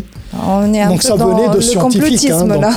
mais c'est des scientifiques qui ne savaient pas de quoi ils parlaient parce que les spécialistes de l'IA ont, ont- ont contredit cela parce qu'ils ne comprenaient pas ce que c'est que l'IA. Donc, Mhm. euh, moi non plus, je ne prétends pas être expert de l'IA, mais je crois plus les gens qui sont dedans que les gens qui la jugent de l'extérieur, même Oui. s'ils sont des éminents scientifiques dans d'autres domaines.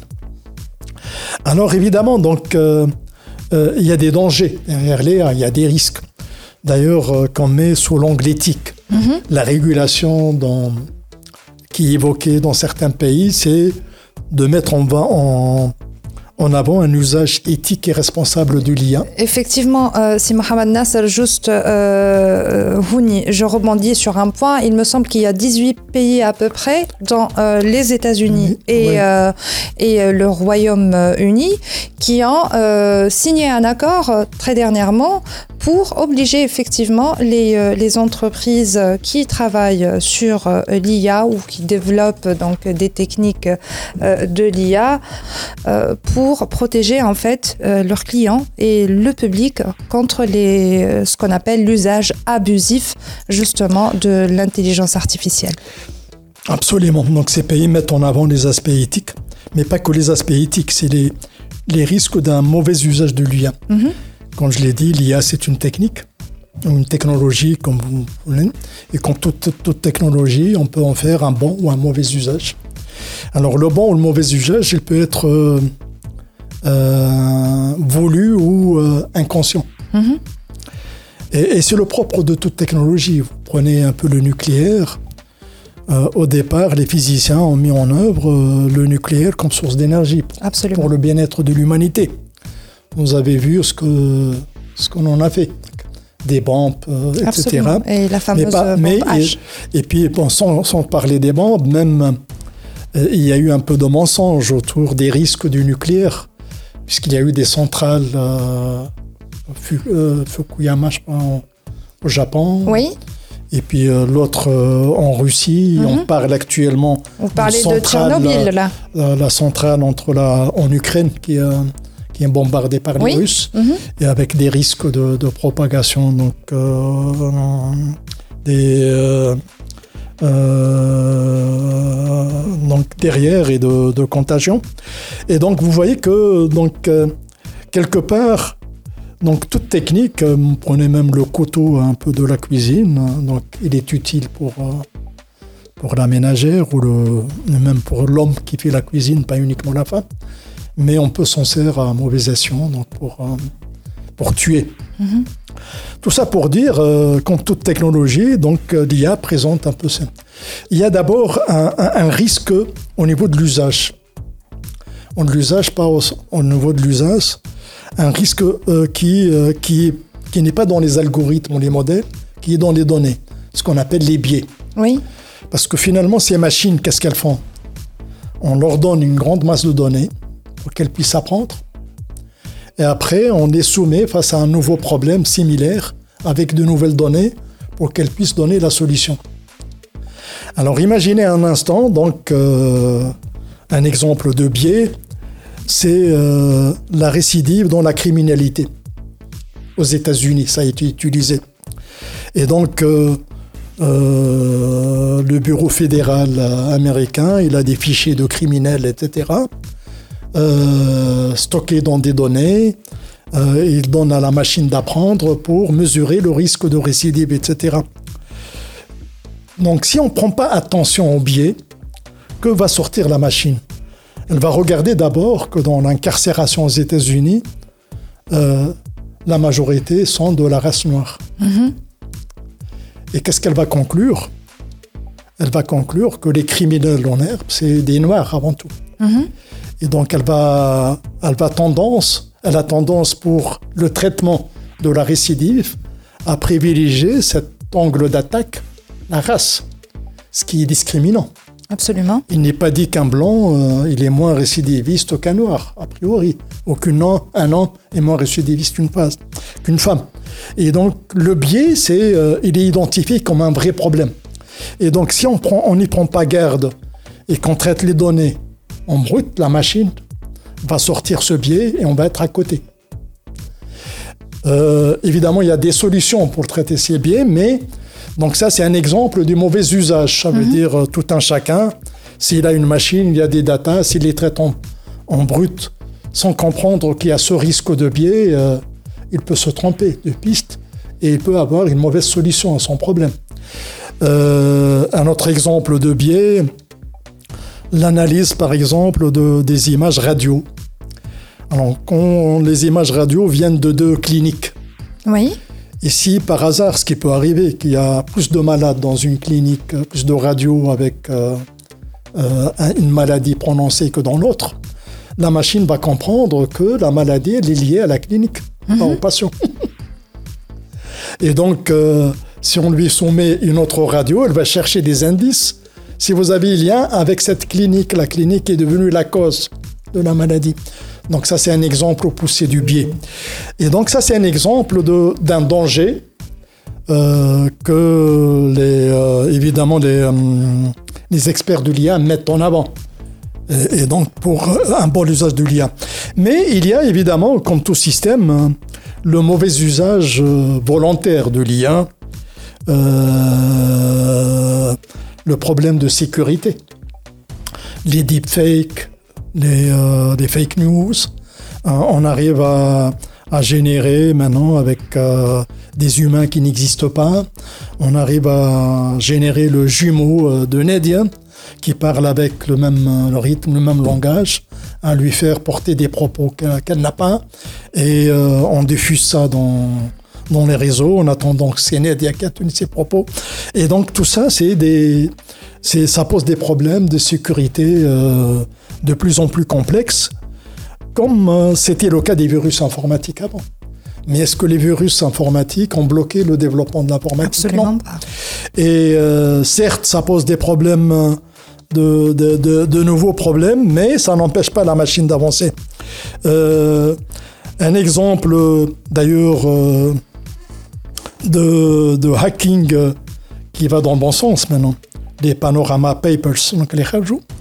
Euh, qui ont divulgué un peu euh, euh, des crimes, voire des évasions fiscales. Ça, c'est plutôt une bonne chose, un peu pour désavouer un peu l'usage friduleux donc, de l'argent public. Donc, en matière de données, évidemment, par exemple, avec comme les montres connectées, on a peur que les montres connectées émettent un peu des données personnelles de santé aux compagnies d'assurance mhm. qui arrivent à qui utilisent ça comme un facteur euh, pour la prime, calculer la prime de, l'assurance. Évidemment, il y a eu le RGPD, notamment en 2018, qui permet de, protéger la donnée personnelle. Euh, l'exemple des, réseaux sociaux. J'ai cité donc les réseaux sociaux j'ai calculé, donc Facebook a fait un bénéfice net en 2017 de 16 milliards de dollars pour 2 euh, milliards d'utilisateurs. Donc ça fait 8, 8 dollars de bénéfice net par utilisateur. En contrepartie, qu'est-ce qu'elle a offert? Qu'est-ce qu'a offert Facebook à l'utilisateur? Rien. Il a l'impression d'utiliser euh, ça pour s'amuser, de, de, divulguer sa vie, sa vie privée, d'interagir avec la communauté. Mais tout ça, c'est autant de données. Qu'on offre à Facebook, tout à fait. Qui sont employés par Facebook. C'est un peu le dindon de, de la farce. Euh, tout ça pour dire, euh, dans ce facteur risque, évidemment, donc, euh, par exemple, donc, divulguer sa, ses données personnelles. On doit mesurer au plan personnel quelles sont les données qu'on doit divulguer en contrepartie de quel service. Donc c'est dans ce sens, dans cette équation qu'on doit aborder le problème. Par exemple, si je donnais mon empreinte mhm. pour faciliter l'accès dans une salle de gym, oui. j'accepte de le faire parce que ça me débarrasse d'autres contrôles. C'est plus commode pour le moi et je l'accepte de façon délibérée. Donc cette sécurité doit être toujours abordée comme une péréquation entre ce qu'on donne comme données sur sa vie et ce qu'on en récolte comme service en retour. Et si ça vaut le coup de le faire. Euh, voilà, maintenant les vrais dangers de l'IA, pour terminer, c'est pas ça. Parce que est-ce que l'IA va dominer le monde Est-ce qu'on aura une super machine, etc. Le vrai danger de l'IA, ce qu'on oublie, c'est la consommation énergétique. C'est un impact euh, environnemental. Absolument. Donc euh, les supercalculateurs, les data centers, ça consomme beaucoup d'électricité. Donc un data center utilisé par les géants, c'est l'équivalent de la consommation d'une ville de 100 000 habitants hein, pendant l'année. Et donc, euh, vous voyez la limite physique. Mhm. Est-ce qu'on accepte qu'il y ait cette course effrénée avec une consommation énergétique non contrôlée? Qui détruit la planète et qui, euh, qui rarifie les sources d'énergie pour les besoins basiques de l'humanité Je ne pense pas. Donc, euh, les gens sensés, il y a, il y a un, compromis à faire. en cette matière, par exemple, donc, en matière de consommation énergétique. Si on, assimile Internet actuellement avec tout ce qu'il y a autour, un peu les smartphones, l'IA, ChatGPT autour, s'il était un pays, il, serait le troisième pays plus consommateur d'énergie dans le monde, avec 1500 TWh. C'est énorme. Il vient après la Chine et les États-Unis. D'accord. Et donc vous voyez des enjeux. Les enjeux, le risque n'est pas uniquement pour... Euh, c'est anecdotique la destruction de, l'humanité, mais il y a des enjeux de développement durable, des mhm. enjeux climatiques, euh, des enjeux pour le bien-être de l'humanité, des enjeux énergétiques. Et donc, euh, dans la formation à l'IA, on doit prendre, la régulation doit mettre le paquet pour qu'il y ait, pour former les jeunes à un usage responsable et éthique de l'IA, pour que en utilisant l'IA, ça profite à l'humanité, on on reconnaît le bien-être, ça permet d'aller plus vite dans les soins, de découvrir de nouveaux médicaments, d'anticiper les maladies, de faire de la médecine préventive. Donc c'est des avancées spectaculaires en matière de santé, mais en même temps, euh, il faut être soucieux un peu de ce que cette, cette IA, par exemple, euh, je peux vous donner l'exemple, si vous postez votre photo en selfie dans un réseau social, vous vous rendez compte de la consommation énergétique, le parcours qu'elle fait, des milliers de kilomètres pour arriver au data center de Facebook. Et donc, euh, c'est l'équivalent de la consommation d'une lampe 20 euh, mhm. watts pendant 10 heures. Carrément. Évidemment, on ne le voit pas, c'est dans les réseaux. Mhm. Donc là, c'est euh, donc la régulation de l'IA va s'atteler à prendre en considération tous ces aspects. Les aspects des usages uniquement, évidemment les, les risques de la sécurité, etc., mais également les dangers que ça encourt euh, sur la consommation énergétique pour un, un développement pérenne de l'humanité. Très bien. Merci beaucoup, c'est Mohamed Nasser. Mais avant de, de nous quitter, euh, si vous pouvez nous rappeler donc, comment contacter euh, Prestini? Alors, comment contacter Pristini Bon, je rappelle d'abord que Pristini, c'est un groupe euh, qui a trois segments. Un segment scolaire, un segment scolaire du préscolaire jusqu'au lycée, avec euh, en filigrane la formation au bac anglais. Euh, un segment universitaire, c'est l'école de l'IA dont j'ai parlé, avec ses formations bachelor et master. et un centre de formation exécutive euh, pour accompagner la montée en compétences tout au long de la vie. Et ce groupe est implanté dans la Technopark Novation City.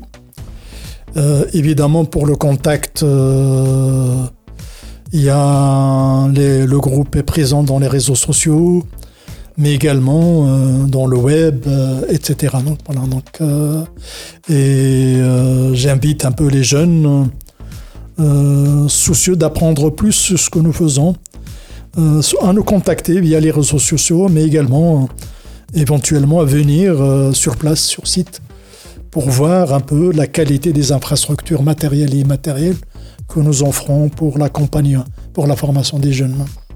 Très bien. Merci beaucoup, c'est Mohamed Nasser. Merci, merci à vous. C'était tout pour aujourd'hui. Nous nous retrouvons dans la prochaine DigiClub. DigiClub.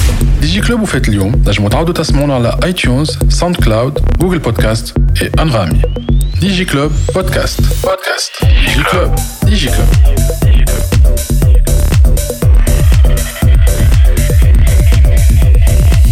Sponsored by Huawei, au service de la Tunisie depuis 1999. Topnet, quoi connexion, les Very Fiber People. Pristini, School of AI.